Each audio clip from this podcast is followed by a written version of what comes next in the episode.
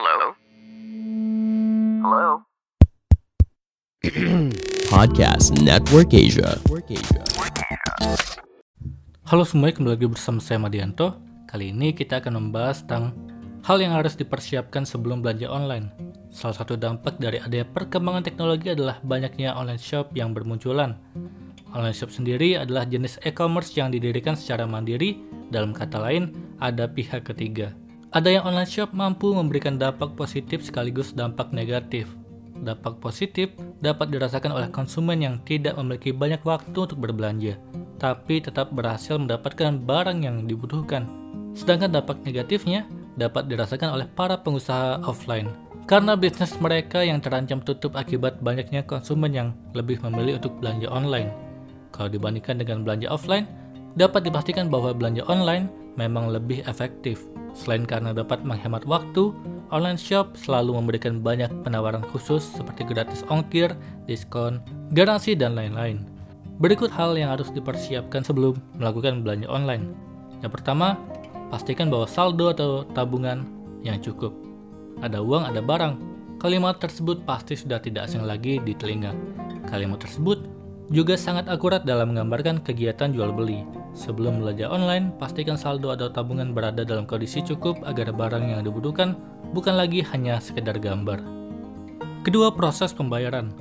Dalam melakukan proses pembayaran, e-commerce di Indonesia menawarkan beberapa cara, di antaranya kartu kredit, ATM, voucher, COD, dan pembayaran elektronik, sehingga konsumen dapat memilih salah satu dari beberapa cara pembayaran yang tersedia. Ketiga, catatan daftar belanjaan.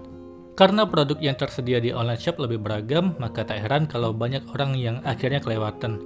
Sebagai contoh, yang pada awalnya barang A tidak dibutuhkan, namun karena desainnya yang menarik maka jari pun refleks memasukkan barang tersebut ke dalam keranjang belanja.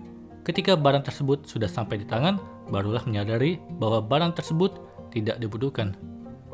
Keempat, bandingkan harga. Bukan hal aneh lagi kalau terdapat beberapa online shop yang menjual produk yang sama, tapi bukan berarti harga yang mereka pasang pun akan sama. Sebelum memasukkan barang yang dibutuhkan ke dalam keranjang belanja dan melakukan proses pembayaran, alangkah baiknya kalau bandingkan harga dari online shop satu dengan online shop lainnya terlebih dahulu. Lalu pilihlah online shop yang memasang harga termurah.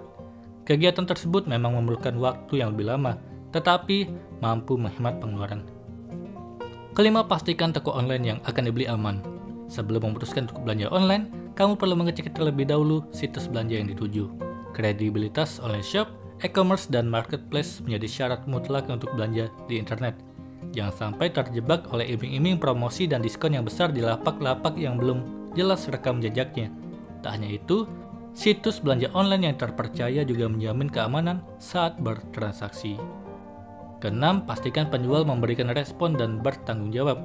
Sebelum kamu membeli suatu barang di internet, pastikan terlebih dahulu bahwa penjual yang dituju benar-benar tersedia menjual barangnya. Untuk memastikan kamu bisa menanyakan terkait ketersediaan barang menggunakan fitur pesan singkat yang biasanya disediakan oleh marketplace. Pastikan penjual merespon pertanyaan yang kamu berikan dan jangan lupa untuk meminta bertanggung jawab kalau terjadi sesuatu. Dan terakhir, barang yang dijual bukan abal-abal. Situs yang memiliki rekam jejak baik biasanya menjamin orisinalitas barang yang hendak dibeli. Sejumlah situs belanja online biasanya memiliki catatan reputasi. Pastikan barang yang dijual bukan abal-abal. Itulah tadi hal yang harus diperhatikan sebelum belanja online. Semoga ini bermanfaat. Sekian dan terima kasih.